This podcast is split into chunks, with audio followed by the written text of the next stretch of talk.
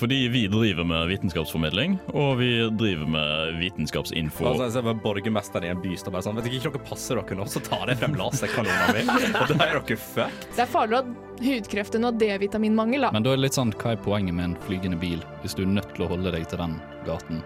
Det Jeg gleder meg til å vitenskape med dere. Du hører på Uillustrert vitenskap.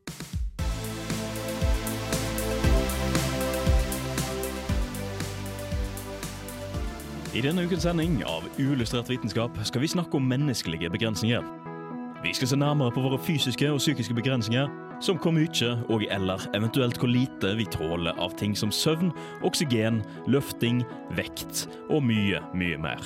I tillegg har Uillustrert vitenskap fått to nye medlemmer, og i dagens sending møter vi ei av de. Hallo, hallo, hallo, og velkommen til denne ukas sending av Uillustrert vitenskap. Jeg heter Kristine og skal programlede dere gjennom denne sendingen her i dag. Og med meg i studio så har jeg mine trofaste venner Andreas Hei sann! og Andreas Hei, hei. og Martin. Hallo. Og jeg har en ny venn, eh, Martine. Hei. Og eh, i dag skal vi eh, Vi vet kanskje at mennesket ikke er skapt for å sitte på ræva, men hva er vi egentlig skapt til, og hva er vi ikke skapt til? Det skal vi utforske litt i dag. Før det så syns jeg vi skal Så syns jeg vi skal få servert en fun fact. For dette er din første gang her i studio, Martine, i Uillustrert vitenskap. Yes. Har du en fun fact på lager? Jeg har en fun fact. Eh, visste dere at dersom man eh, lever et langt liv, sånn rundt 80 år, så vil man i løpet av livet produsere nok spytt til å fylle opp ca. to svømmebasseng? Å, gud. Oi. Det er mye spytt. Det er ganske mye spytt. Det er ganske mye skutt. Og det er hvis du bare hadde latt alt renne. Ja, Hvis du bare konstant står med munnen åpen ned i et 80 basseng. Ja. Æsj! Tenk å bade i det. Oh, nasty. Og det minner meg om den uh, Ig Nobel-saken vi hadde, med han som målte hvor mye spytt et, et barn uh, målt, nei, produserte. Ja, en femåring Ja, ja, tror jeg det var. Og eh, det var eh, i hvert fall en liter i døgnet. Nok. Om det, om det ikke var mer. Det husker jeg ikke. Det begynner å bli lenge siden. Men jeg føler det er ganske lett å mållagre, for de, de gjør jo ingenting annet enn å sleve. Det er jo Det er De har ikke plass til det i munnen sin engang. Nei. det, er det femåringer gjør. Ja, det er det, og så er det de som når du begynner å nærme 80, og 80, så skjer det samme. Så skjer det samme. Ja, ok. Eh, da, med det konstatert, så tenker jeg vi skal gå videre til eh, våre fysiske begrensninger. Hva, hva tåler vi? Hva tåler vi ikke? Rent sånn eh, fysikkmessig. Ja. Eh, før det så skal vi høre en låt. Vi skal høre Øyvind Holm med 'Gut Feeling'. Du får det her på Uillustrert vitenskap på Radio Revolt. Hei, jeg heter Pia. Jeg er marinbiolog og faglig leder i Passion Frosion. Visste du at vi har snegler med solcellepanel på ryggen i Norge? Du hører på Uillustrert vitenskap. Vi mennesker er jo egentlig ganske fantastiske skapninger. Vi kan endre oss fysisk gjennom trening. Vi kan løfte mer enn vår egen kroppsvekt. Løpe mangfoldige kilometer. Endre oss mentalt ved å bryte med vante tankemønster. Eller lære å trene oss opp gjennom lesing og stimulering av hjernen. Vi kan også tilpasse oss til nært alle typer klima ved hjelp av teknologi og menneskelig standhaftighet. Men finnes det egentlig noen begrensning for hva vi kan klare?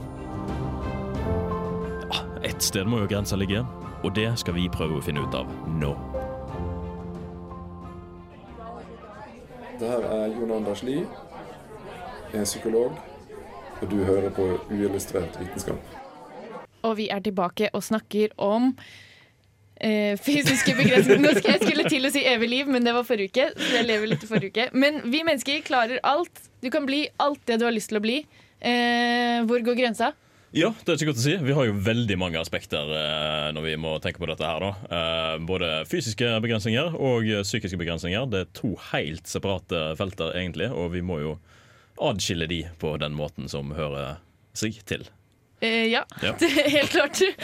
Um, for det er jo altså, De fleste har jo hørt at uh, mennesket er veldig uh, kapabel til å gjøre ting. Vi klarer å løpe lenge. Vi er jaktdyr som klarer å jakte ned byttedyr ved at vi klarer å holde på lenger enn de. De dør fordi de springer Eller de blir slitne fordi de springer raskt, mens vi kjører på med en konstant hastighet. Toget av gårde. Uh, og så uh, tar vi det igjen. Men altså, vi, nå, hvis vi ser litt på det, sånn tenk dyreriket og sånt for lenge siden, så er vi jo egentlig ganske svake. Ja, Vi er jo kjempedårlige. Det er jo uh, vi er bra i ideelle forutsetninger. Altså, i, i- at- Attpåtil så er jo det viktigste organet vårt plassert på en stilk på toppen av hodet vårt. Um, Veldig sårbart. sårbart, Ja. egentlig. Uh, ja. Men altså, tenk, tenk mann versus eh, sabeltiger for eh, lenge, lenge siden. Um, Det går ikke bra, det, vet du. Jeg kjenner en kar som sa at han kunne ta en puma. Nei, en jaguar var det. en jag Ja. Ja, Vi ble alle enige om at han kom ikke til å ta den jaguaren, fordi han er jaguaren er større og sterkere, og den har klør og tenner. Det er ikke bare en søt pussekatt. Det er ikke bare en søt Vi har egentlig mista egenskapene til å være liksom fysisk bra, bare ved hjelp av at vi fant teknologi som gjorde det for lett for oss. Mm. har vi har egentlig trengt det. Vi er, vi, er, vi er for smarte for vårt eget gode. Ja. Kanskje det er det vår eh, beste egenskap er, å kunne bare tilpasse oss. Ja, Det Ja. er jo absolutt det som har ført til at menneskeheten har utviklet seg så langt eh, som den har gjort. Ved at vi har kunnet tilpasse oss eh, i et flokksamfunn, egentlig, og kunne tilført mer til en, et eh, samfunn eh, ved at vi er flere enn bare en liten dyr. Og du ser jo litt grann det i eh, primatsamlinger også. Du har så, så komplekse sosiale bånd der eh, som utvikler seg når du har et samfunn som henger sammen. Ja. Og det er litt sånn ja, Du lærer deg også å tilpasse deg fordi du får roller som du kan gjøre. Og du lærer deg å gjøre mye mye mer forskjellige spesialistoppgaver. Ja, Så det er det vi er laget for å gjøre. Ja, Det er det, det, er det jeg hypotiserer om at vi er laget for å gjøre. Absolutt. Absolutt. Hva er det vi er laget for å ikke gjøre? Vi er ikke laget for å gjøre dyre ting.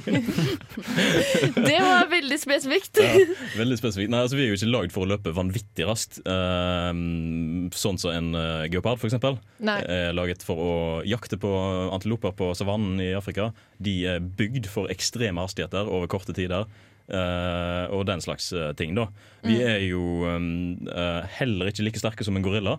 Det sier seg jo egentlig sjøl, for det er jo et dyr med ja, rein muskler. Mm. Egentlig en, en litt morsom tanke. Altså, En gorilla vet jo ikke hvordan man kan trene optimalt. Så har vi noen gang sett en gorilla som er på sitt, sin peak i styrke. Oh. En gorilla som tar markløft. Rett og slett. Ja. Og fikk, jeg, nå fikk jeg bilder i hodet mitt av en gorilla som tar markløft. Ja, det, det var egentlig en liten digresjon, men ja. Den har litt for lange armer til at, det, jeg tror, til at jeg tror det går veldig bra. For da kommer den seg på en måte nesten ikke over knærne. Den går jo over knærne hele tida. Ja, Ja. Så da bare har du liksom Da trenger du ikke å løfte så høyt da Nei. når du først er i gang med løftingen. Nei. Eh, men vi kan kjøre litt på litt andre begrensninger, for nå har jeg digregert altfor lenge om eh, egentlig ingenting. Eh, vi har jo en myte som jeg har tenkt på i veldig mange år, og det er sikkert flere av dere som har hørt på den i studio, for det er myten om Egentlig så er det like lett å bite over fingeren sin som det er å bite over en gulrot. Men det er bare hjernen som tenker, tenker stopp oss. Og da må jeg spørre, tror dere det er sant? Ja. Jeg har hørt det, det for mange ganger til å ikke tro det er sant. Ja, Nei, jeg tror ikke det. Du tror ikke det? Kristine? Eh, det spørs hvilken finger, tror jeg. OK, spørs hvilken finger. Ja. Uh, nei, uh, ifølge det studiet som jeg fant, så er det ikke sant, dette her. Feil. Uh, det er feil. det er, ikke det feil, ja. Eh, fordi det var gjort et studie i, i 19 pil og bue, holdt jeg på å si, i 1956, tror jeg det var, eh, der det var noen som skulle sjekke motoren altså De var veldig redd for at folk skulle få klemskader pga. vindusmotoren. altså vindus, bi, Å, ja. Motoren for å heise opp vinduet i biler skulle Ja. klemme folk, så de var veldig redde for det. Så det ble gjort et studie rundt det om de eh, klarte å påvise hvor mye menneske et, nei, et menneske tålte. Eh, bein. Så de hadde ca. 109 deltakere og 20 kadaverdeltakere. Oh. Eh, og så skulle alle de ekte, ekte deltakerne levende deltakerne, holde fingeren sin i forskjellige konfigurasjoner, ta imot press inntil de ikke tålte mer, og det snitta på ca. 50 newton, eller omtrentlig 5 kilograms kraft. Eh, vil, Eh. og så snakker vi da, da Kadaverne de ble pressa helt til de ble knekt. Mm. Og da snakker vi cirka Skal vi se, hva var det da? Um, 1800 newton. Skal vi se. Nei, så Oi. 1485 for, eh, for fractures. eh, og eh, eh, maks eh, applied force på beinene var 1800 newton ca. Ja, Så du trengte 1400 for å få eh, brudd da, i fingeren din. Ja. Ja, Eh. så det å knekke som en gulrot, det krever 180 kilo? Cirka. 140 kilo? Nei, nei, nei, det knekker beinet. Cirka 140 kilo. Ja. Ja. Gulrot var mye mye mindre. Det var omtrent 200 newton. Så det er seks ganger eh, Åtte ganger, unnskyld. Eh, ni ganger så mye eh, kraft som du, som du trenger for en eh, gulrot. Så du kan Du trenger ikke å være bekymra hvis du har lyst til å ta den biten av fingeren din. Nei. Så Men du- men du eh, jo- er det ikke som å spise en gulrot. Nei, du klarer jo å bryte hull på alt mulig av, av eh, hud og skinn og alt mulig sånt, og tygge det klarer du. Ja. Men du klarer ikke å bite gjennom beina, Nei. Det er poenget. Ja. Jeg hørte noen rykter om at menneskelige bein var sterkere enn betong også. Mhm. Eh, hvis du prøver hvis du gir Det kommer litt an på hva slags kraft du setter på dem. Ja, Fordi da- at det, Da kommer alle byggstudentene og bare Å, det kommer an på hva slags kraft. Ja, Fordi hvis du roterer, så tåler du ikke så mye. Men hvis du presser på liksom eh, langs og tvers, så tåler, du ganske mye. da Mm. Men jeg vil jo også tro at du er litt inne på det du, du sa helt til starten, at det spørs litt hvilken finger. Og jeg vil på en måte også spørs, altså Det vil være forskjellig trykk på ja, hver finger, men jeg, også tenker hvis du liksom biter inni leddene, vil det da kunne på en måte kreve litt mindre kraft å måtte treffe gjennom der? Ja, helt klart. Helt klart. Ja. Men, Men, eh, men det, det er ikke stor forskjell mellom, uh, mellom fingrene. Vi snakker 1886 for pekefingeren og 1833 for lillefingeren. Ja, okay, det er Så 50 såpass, ja. newton, eller da ja, kjapp, kjapp matte. Uh, ja. Ja, og så skal du gjennom muskler og sener og sånn. Det er jo ikke sånn som bare ryker, nødvendigvis. Nei, men det tåler, det tåler jo mindre, da. Ja da. Sånn sett. Hva om noen andre biter fingeren min? Eh, nei, fordi du klarer ikke å bite så hardt. Du klarer kun å bite omtrent uh, et, altså et voksent menneskebitt er mellom 520 til 1200 newton, eller 1100 newton cirka. Så du er fortsatt 600 newton short. Jo, jo, men jeg tenker ikke på å bite gjennom. Men altså, jeg antar at hvis, Si at du hadde prøvd å bite din egen finger. eh, så hadde du kunne gitt mindre kraft til det bittet enn jeg ville gjort hvis jeg hadde bitt din finger. Nettopp pga. den reseptoren i hjernen som stopper det. Ja, og det skal vi snakke om eh, etterpå. Men før det så skal vi eh, høre en låt. Eh, vi skal høre 'Stuck' uh, med 'Love of All' her på Radio Volt du, på Uillustrert viten. Hi, this is Grant Sanderson from the YouTube channel 3 Blue 1 Brown, and you're listening to Unillustrated Science. Og vi er tilbake med um, trening, fordi vi avsluttet rett før denne låta om å snakke om det med at du har mentale uh, grenser. Eh, s- eh, nevnte du så vidt. Og så sa jeg det skal vi ta opp. Fordi det er veldig relevant overfor hva mennesker tåler. Fordi at du tror ikke du tåler så veldig mye. Eh, du blir sliten. Du blir eh, du, ja, du føler at, eh, he- at musklene dine gir etter, og du føler at eh, du ikke orker mer, og at du ikke klarer mer. Men Du klarer alltid litt grann til. du gjør alltid det. Du klarer litt til. Og, og det er liksom ehm, Og så har du hørt alle disse mytene om folk som løfter biler når de skal redde barna sine fra å dø og sånn. Du blir Supermann. Ok, men Der spørs jo veldig på bilen. Også. Du klarer jo å løfte en uh, sovjetisk uh, Hva heter de, da? Ikke, ikke Skoda. Lada. Lada, ja. Nei, ja. La, sovjetiske bilene. Martin, du kan Ja, dette. Lada, tenker du Ja, på? Lada, ja, altså, som er Hvilken lag- av de? Som er lagd av styrofoam, holdt jeg på å si. Men Nei, nei, nei, det, det er Trabant. Trabanten tenker jeg på. Ja. Ja. Ladaen var jo solid stål. Ja. Okay, ja, det er litt verre. Det var omvendt. Ja. Men eh, ja. Men det er vel sant det at du får på en måte i en, i en situasjon der adrenalinet kicker inn, så får du ekstra, hva er det, ekstra blod som strømmer til musklene, og du er, klarer å løfte mer. Og det syns jeg er veldig morsomt, for det er en kjempestor myte. Fordi det var noen eh, som fant ut det at eh, det skjer ting i musklene dine når du trener som gjør at du føler deg sliten, og alle var sånn åh, shit. Det var en sykt digg forklaring på det hele, fordi du har en biologisk ting og eh, molekyler og reseptorer, og det gir bare så mye mening. Men nei. Fuck. Eh, Du har fordi nettopp eid deg sjøl. Ja, jeg vet det. Nei, men det er fordi man har glemt hvor stor rolle det mentale spiller inn på det hele. Du eh, tenker Altså, du har en sånn refleks i hjernen din som, som, som, som stopper opp muskelkontraksjon når, når, du tenk, når du løfter maks, da. Men egentlig, hadde du ikke hatt den mentale grensen, så kunne du løftet mye mer. Sånn, det er ikke snakk om fire ganger så mye, liksom, men det er snakk om en betydelig andel mer. Fordi rett og slett eh, det er en grense som stopper deg. Eh, for at du ikke skal kunne skade deg selv. Da. Ja, du beskytter deg sjøl fra å revne musklene dine. Eller den tror eh, den skal hindre det, da. Ja, at det, eh, det hindrer i hvert fall at du skader deg. Så hadde du ikke hatt den grensen, eller den grensen hadde vært, kanskje vært høyere, så hadde du kanskje skadet deg oftere. Eller eh, fordi at du får jo litt skader i musklene dine når du trener hardt. Det har man jo vist på studien på NTNU, hvor du har sånn eh, unge studenter som nesten hadde rabdomyolyse. Det er sånn at musklene brytes ned, og så tisser du rødt og sånn. Um, Ja, Å ja, casually. Ja, casually. de bryter ned dine egne muskler og skiller de ut? Som Eh, ja, også får du nyreskade og sånn. Og det, Ja. Men greia er jo det at eh, Det er jo ikke så bra det heller, men det har ikke vist seg at det var så veldig farlig. Um, Litt nyreskade er helt OK. men hvis du har liksom adrenalin, og ting skjer med deg, så har du egentlig litt ekstra å gå på. Sånn, sånn for å løpe bort, bort fra den faren som kanskje er der, eller for å eh, løfte en bjelke for å redde en kompis. da. Men Kristine, hvordan kan, man i- hvordan kan man i hverdagen fjerne denne her blokaden og, og, og, og bli sterkere? Tenker du på steroider nå?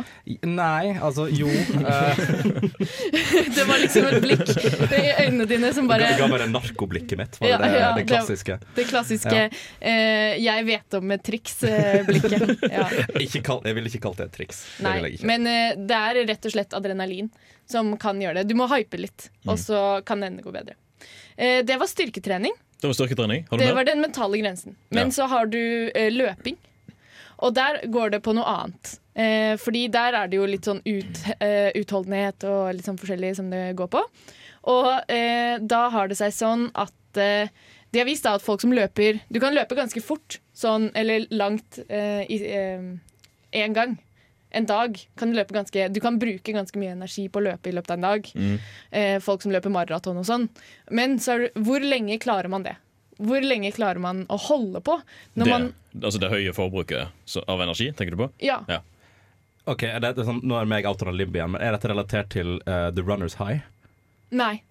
Det er, bare, det er bare godfølelsen du får av å løpe. Ja, men den gjør vel òg at du på en måte altså, da, da kommer du til et punkt hvor nå, liksom, nå har du fått, uh, mel fått melkesyre ut av kroppen, og nå, liksom, nå, nå er du i gang. da Og at det gjør at du kan fortsette mer. Altså, det er jo samme som uh, at du kan trene mye bedre etter oppvarming, f.eks. Eller løpe mye bedre etter oppvarming. Ja, det er jo helt klart Uh, Det er jo helt klart uh, i, i liksom Men nå snakker vi, nå snakker vi når du eh, løper Når du eh, sykler Tour de France. Ja, ok, det er Eh, når du er på arktisk ekspedisjon og går mange mil hver dag i 90 dager. Du Det- husker, du husker den sommeren. Ja, da, ja stemmer det. Eh, og da, og da, har du, da har du de.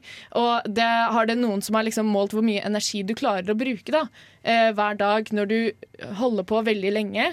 Og så du, prøver å liksom kartlegge hva er grensa til hva vi klarer da, på den biten. Og så er det noen som har vist ok, det stopper opp på ca. 2,5 ganger kroppens hvilemetabolisme. Altså Det det du klarer å få brenne over lang tid, da. Maks. Over lang tid, ja. ja. Fordi det- du klarer dritmye i løpet av én dag. Ja. Men så er det sånn at hvis du skal holde på lenge, så, så satser kroppen på en sånn to og en halv eh, gange hvile. Det er, sånn, det er de kaloriene du forbruker av å ligge på sofaen en hel dag. Ja. Eh, men mm, OK, liksom. Eh, hva betyr det? Eh, og hvorfor er det sånn?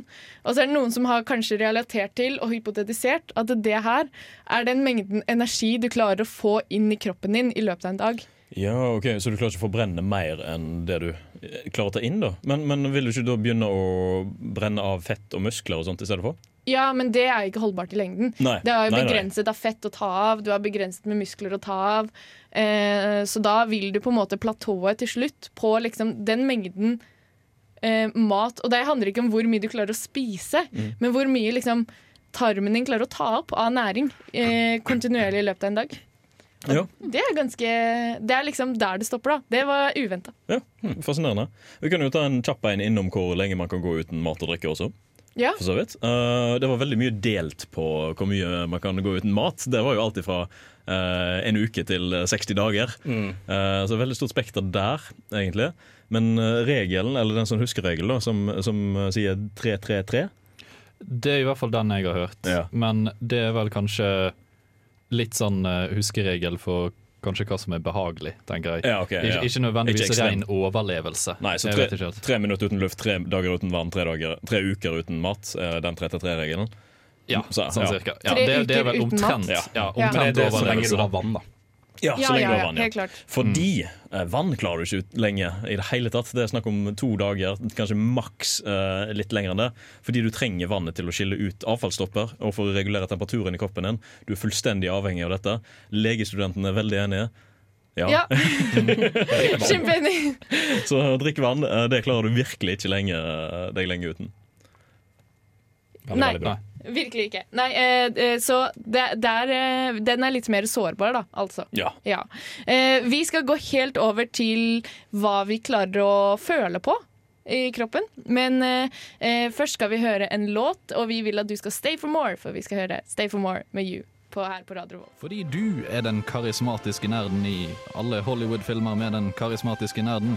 Fordi du er en stolt og lojal lytter av uillustrert vitenskap.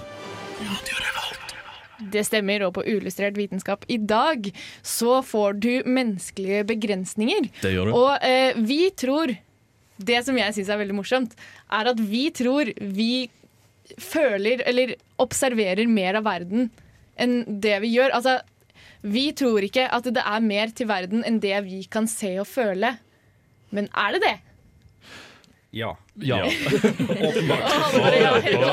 Dette var ingen overraskelse. Kristine, hva er det du styrer med nå? Jeg måtte tenke over var det et retorisk spørsmål eller ikke. Eh, ja, det var egentlig et retorisk spørsmål. Ja, ok. Ja. OK. ok Nei, vi drev og så litt på hvor mye vi kan ta på og føle. Føle og ta på, sånn som stemning. Mm. Og Nei da, vi så ikke på det. Neida. Og da fant jeg en svensk studie, det vil si noen hadde funnet den før meg, heldigvis, men som så på hvor mye vi faktisk kan ta på. Og da hadde de noen sånne her papir som noen folk skulle ta på. Så skulle de kjenne på toppene.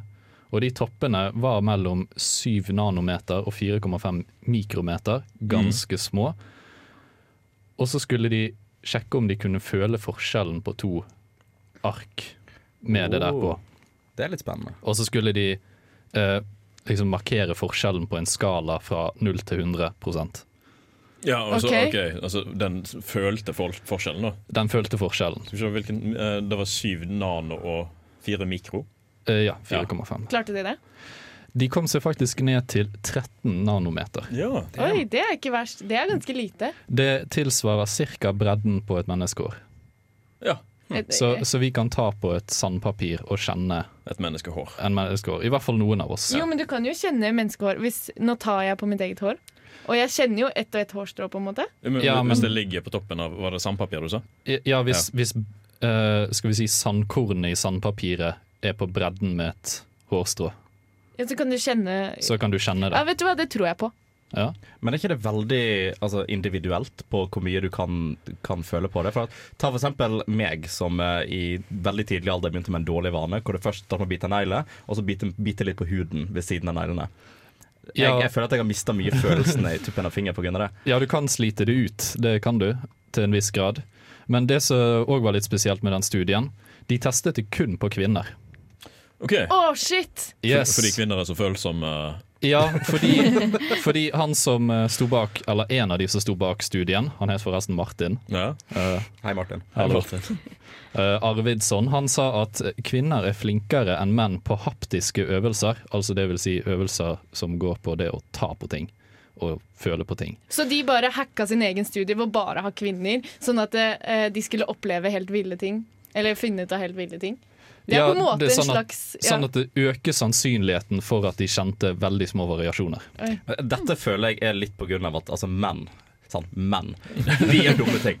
Altså, så, vi, jo, vi er mer sannsynlige til å ta på en kokende plate enn det kvinner er. Så jeg føler at vi kanskje ikke har disse her eh, reseptorene ytterst på fingrene, for vi bare har brent de av. Eller fordi vi har, de har tatt på kokende Det kan ha med at Pleier du ofte å gjøre dette? Jeg er mann, jeg må, OK? Ja, grytekluter er for sveklinger. Du skal ta ut Grandisen med nevene. Nei, men altså, eh, menn har jo tjukkere hud. Ja, Så det Så- kan ha noe med saken å gjøre? Det er det kjedelige svaret. ja det, det, det var jo ikke for å oppdage enorme forskjeller, det var jo bare for å øke sjansen for at du fant de veldig, veldig, veldig små. Ja, ok. Uh, og det som er litt fint med sånne studier så det her, er jo fordi at vi er jo i en tid der vi omgir oss med veldig mye touch-teknologi. Så da er det jo litt greit å vite litt hvordan teksturer føles. Sånn at du kan designe ting som kjennes litt annerledes ut. Spesielt med tanke på folk som er svaksynte. At da kan du designe overflater som føles annerledes ut ifra hva de skal uh, ja, signalisere. Mm, også, okay, Det er ikke meningen å bombardere det med spørsmål nå, men Ja. betyr det da at uh, du teknisk sett kan lage en smarttelefon hvor touchteknologien kun kan føles av kvinner og ikke menn? Wow! Du kan lage en kvinnetelefon. Eh, Du kan jo fortsatt se telefonen, da. Altså, det er ikke jo. sånn at den er mindre enn uh, Nei, nei, nei, nei men at, men at touch-teknologien på den er kun laga for at siden menn har tjukkere hud på fingrene, at det er kun kvinner som kan føle liksom, eller bruke den telefonen. At det er mer følsomt, på en måte. Ja. Jeg tror vi har Eh, misforstått litt grann, uh, tror- poenget med studiet. Og, uh, ja nei, jeg, jeg, jeg bare kommer rundt masse touch-telefonen spørsmål, bare ignorer meg hvis jeg snakker for mye. Jo, men Det handler jo ikke om at eh, kvinn... Altså, En touchtelefon vet du at du kan ta på, men det kan hende kanskje det er liksom forskjeller i det. da Som du kan, En tekstur som eh, menn, kvinner føler, og som menn ikke føler. For jeg tror ikke det er så veldig mye tekstur i en glasskjerm, nødvendigvis. Nei. Det er jo litt motstand, da, når du drar fingeren over. Det kan hende du har bare ripa opp mobilen din. Ja. Men eh, det, det må bare presisere at dette gjelder da fingrene. Eh, fordi at du har veldig store områder i hjernen som bare Ja. gjelder fingrene. Eh, mens eh, f.eks. ryggen kan du ikke kjenne ulike teksturer på, ulike nanometer på. da. Mm. Eh, så det er en forskjell der også. Det er der er mennesket laget for, å ta på ting. Ja, det er det vi er laget for. Ja, jeg har et spørsmål til deg, Kristine. Er det derfor vi blør som bare det når vi kutter fing fingertuppen? Fordi at det er mye som skjer der? Ja, både og. Er det derfor papirkutt gjør så vondt? Å, shit! Ja, sannsynligvis. Aldri tenkt på før i hele mitt liv. Eh, Det gir mening. Det gir mening. gir mening. Eh, vi skal gå mer over til eh, begrensninger, spesielt mentale begrensninger. Har vi det? Klarer vi alt? Klarer vi ikke alt? Eh, det skal vi eh, snakke mer om etter vi har hørt på Oldingen med Catnip Club her på Uillustrert vitenskap på Radio Revolt. Hei, jeg heter Markus Haall, og etter overveldende vitenskapelig bevis er det helt sikkert at du hører på uillustrert vitenskap. Radio Revolt. Det stemmer, du hører på Radio Revolt, og nå snakker vi om eh, menneskelige grenser. Og har vi, er, det, eh, er det vitenskapelig bevis for at vi har eh, menneskelige grenser mentalt? Det lurer jeg på nå. Vel, vi har jo alltid fått, uh, fått forklart at uh, vi ikke kan sitte opp hele natta og pugge før eksamen. Uh, men vet vi, vet vi at det er sant? For hvor lenge kan vi gå uten å sove? Vet dere det? Mm, var det ikke noen rotter som døde etter Det, det er mange rotter som har dødd i noe forsøk. Oh, ja. Jo, men eh, var det ikke et forsøk der de gjorde det med rotter, da? Hvor de holdt dem våkne, fordi det har du ikke lov å gjøre med mennesker sånn egentlig, sånn etisk sett. Og at de det, det var to uker? Eh, det var en hel måned, faktisk. Oh, hvor de hadde. En, en rotte som de eh, lot sove, og den andre rotta eh, vekte de. Eh, så de hadde De vekte den med en gang det var mindre bevegelse i hjernen. Så fikk den et, stø et støt, tror jeg. Shit. Eh, og den døde etter en måned, men det de også merka, var at dette var en veldig stressa rotte. Den ble veldig stressa av å ikke få sove. Så om det var stresset som tok den, eller om det var mangel på søvn, det vet jeg ikke. Men eh, man har jo også testa det her på mennesker. Og det lengste et menneske har gått uten å sove, er 11 dager og 25 minutter. Eh, eller det er i hvert fall det best på en måte eh, dokumenterte vi har. Fordi at eh, etter en stund så vil man begynne å få sånn eh, mikrosøvn, som er at man sovner i sånn opptil eh, mellom et halvt sekund og 30 sekunder. Oh. Ja, sånn at du bare Eh, Men det merker man ikke selv. Det er som et lite hukommelsestap som man ikke legger merke til selv. Skikkelig Så det er veldig vanskelig å måle. Men det her ble da dokumentert. Det var en 16 år gammel high school-gutt eh, som holdt seg våken da i 11 dager og 25 minutter. Og etter hvert så fant de ut eh, sånn de siste dagene så var han helt ubrukelig. Rett og slett. Ja, det tror jeg på. Altså, Overlevde personen, eller? Han lever eh, i beste velgående, eller det vet jeg. Det her var på 60-tallet. Han lever i velgående. Eh, han, han, han lever eh, ganske sannsynlig. Eh, fordi det de sjekka eh, i etterkant, var at alle, både fysiske og psykiske eh, funksjoner, var eh, i like godt stand etter at han hadde fått sovet eh, noen timer igjen, så, som de var før prosjektet begynte. Ok, Så det kom seg bare etter han hadde sovet litt, da? Ja. Ja. Men det er vel også, eh, vi har, snakka litt om søvn på illustrert uh, før. Uh, og hvis jeg husker rett, så er det sånn at på en måte dagen Hvis du har døgna f.eks. én natt, så er du egentlig mer oppegående den dagen etter. uh, etter at du ikke har sovet på en stund. At du er mer oppegående? Du er mer oppegående, du har mer hjerneaktivitet, og du, du klarer å fokusere bedre. eh, sånn ish etter 24 timer uten søvn. Ja, altså du har en litt sånn Vel, jeg har eh, forskning som motbeviser det. Oi, oi, oi, oi. De har gjort en statistikk, eller de har funnet ut fra eh, 24 timer til 72 timer hva som eh, på en måte skjer gradvis. Over 24 timer uten søvn så eh, sammenligner de det med å ha 0,1 i promille. Altså at du begynner å eh, konsentrere deg dårligere. Du husker Du tar litt dårligere beslutninger.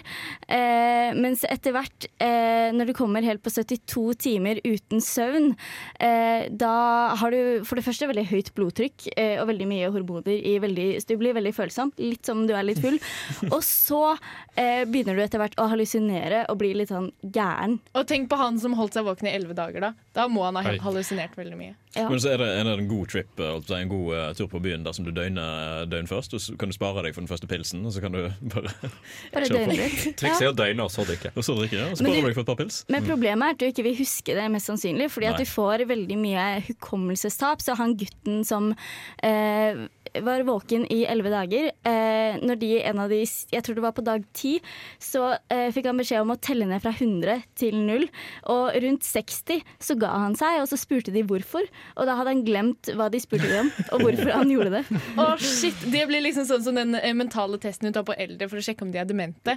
og så kommer du liksom til et punkt, og så, og så har de glemt hva de, hva de holdt på med. Og da får de liksom Ja, da scorer de feil da på den testen. Ja. Det var en journalist i Dusken eh, for et års tid siden som eh, skrev en sak der han hadde prøvd å døgne i 50 timer, og klart 50 timer. 50 timer. Ja, eh, og anmeldt eh, opplevelsen, da. Eh, Forresten terningkast tre. eh, opplevelsen. Eh, Men der hadde han notert seg sånne ting underveis, da, og, og, og ført litt sånn verdier for eh, hvor tilgjengelig han følte seg, og eh, hvor bra han følte seg, osv. Uh, og ja, den slags greier.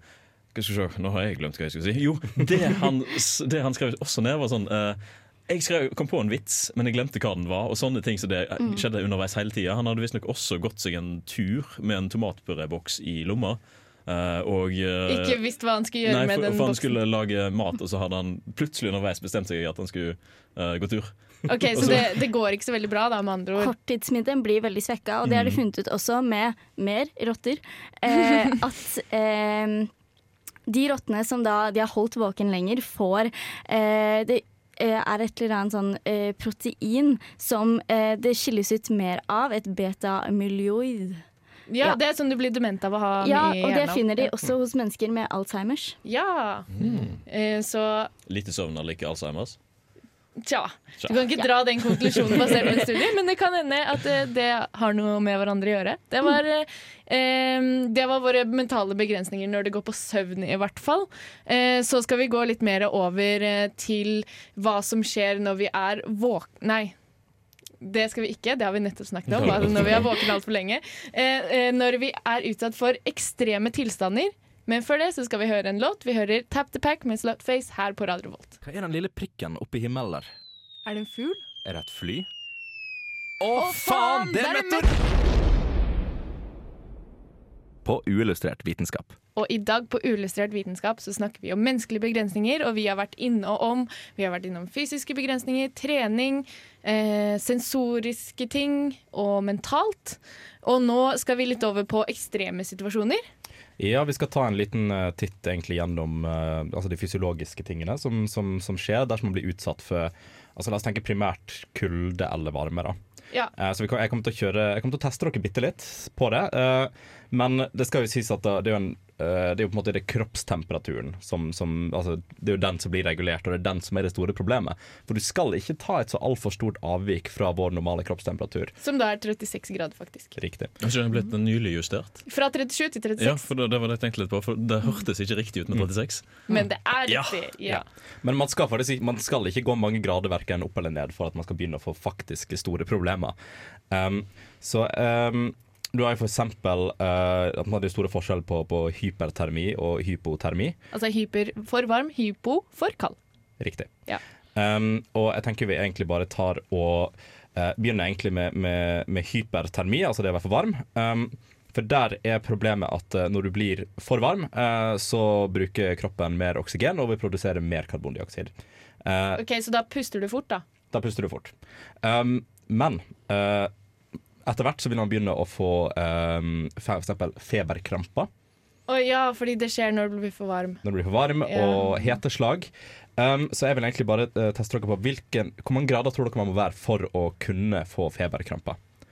Ja, det er faktisk, men det kom, er det spørsmål om barn eller voksne?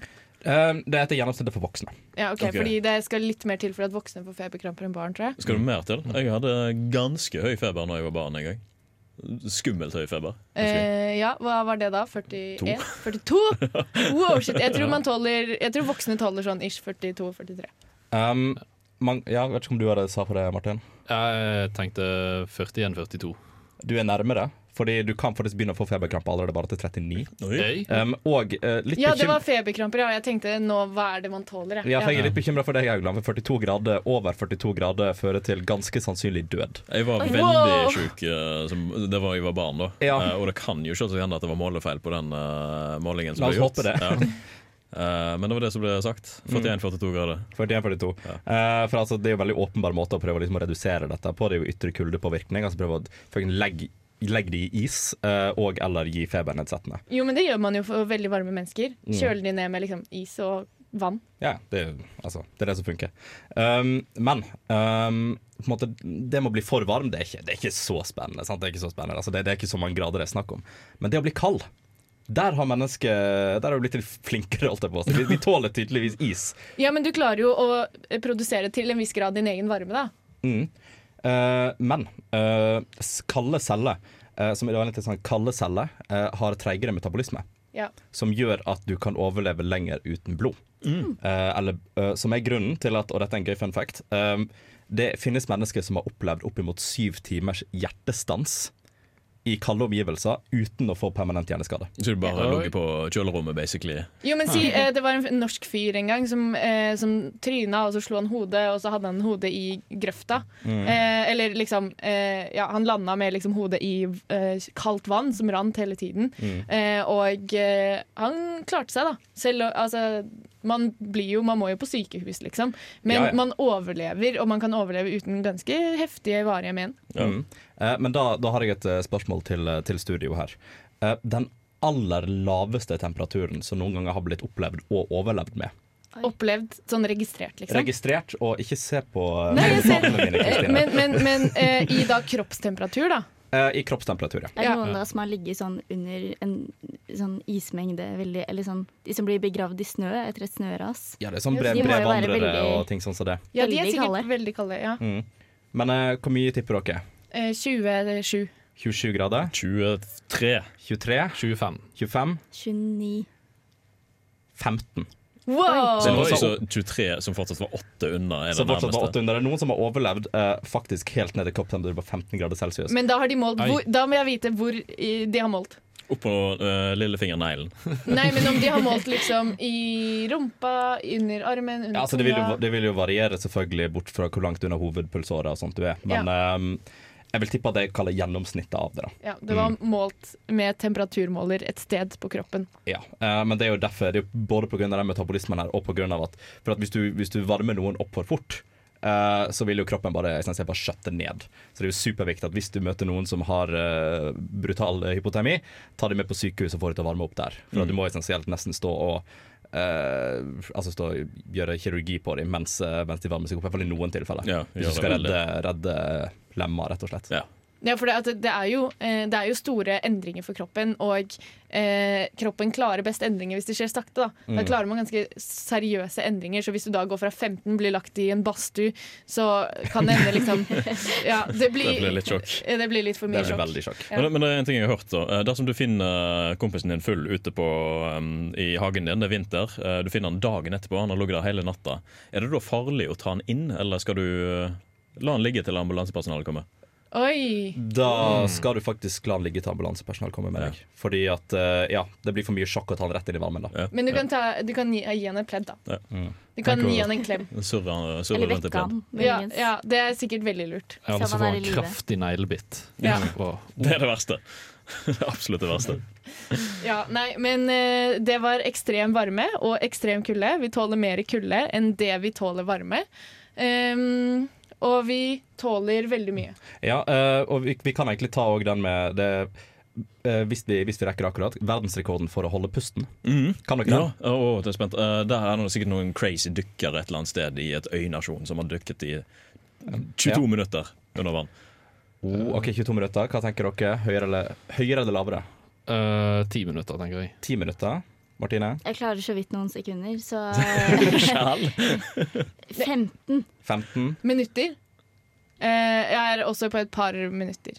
Selv om det Nei, det, ja, samme det. Jeg vil si, du, du traff egentlig ganske med en gang. Det er 24 minutter og 3 Oh. sekunder. Oi. Ja, men det som er interessant også, er at noen har verdensrekorden på å være opp ned, og den er bare på 4 minutter. okay. det mye, det kan vi prøve på. Det kan vi satse på. for det er mye, mye vanskeligere. Å være opp ned i vannet. og holde pusten opp ned. Eh, da, da har du 20 minutter mindre. Oi, det har jeg lyst til å prøve på. En dag så skal jeg prøve på det. Kjør på. Ja, eh, det, men det var alt vi hadde for i dag. Vi har snakket om veldig mye om hva vi tåler, hva vi ikke tåler. Eh, kanskje ble vi litt klokere på hva vi burde gjøre og ikke burde gjøre. Ikke ta steroider. Nei, ikke ta steroider, ikke hold pusten opp ned. Ikke bli for varm. Nei. Ikke, ikke, ikke drikk Hvis du må velge mellom å være varm og kald, så velger du kald. Jep. Eh, rett og slett. Så eh, det var det eh, vi hadde for denne sendingen i dag. Eh, syns du dette var her var helt konge og har lyst til å høre mer, så kan du gå inn på radiovolt.no eller Spotify for å høre på våre episoder. Vi finnes på Facebook og Instagram. Gi oss en like. Send oss spørsmål hvis du har lyst til at vi skal svare på spørsmål.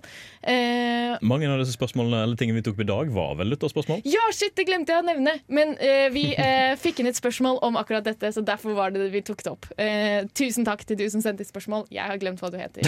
Eh, og det var det vi hadde for i dag. Eh, jeg har vært i Kristine, og med meg i studio i dag så har jeg hatt Andreas, Andreas. Martin og. Martine. Hello. Ha det bra. Du har lyttet til en podkast på Radio Revolt, studentradioen i Trondheim. Sjekk ut flere programmer på radiorevolt.no.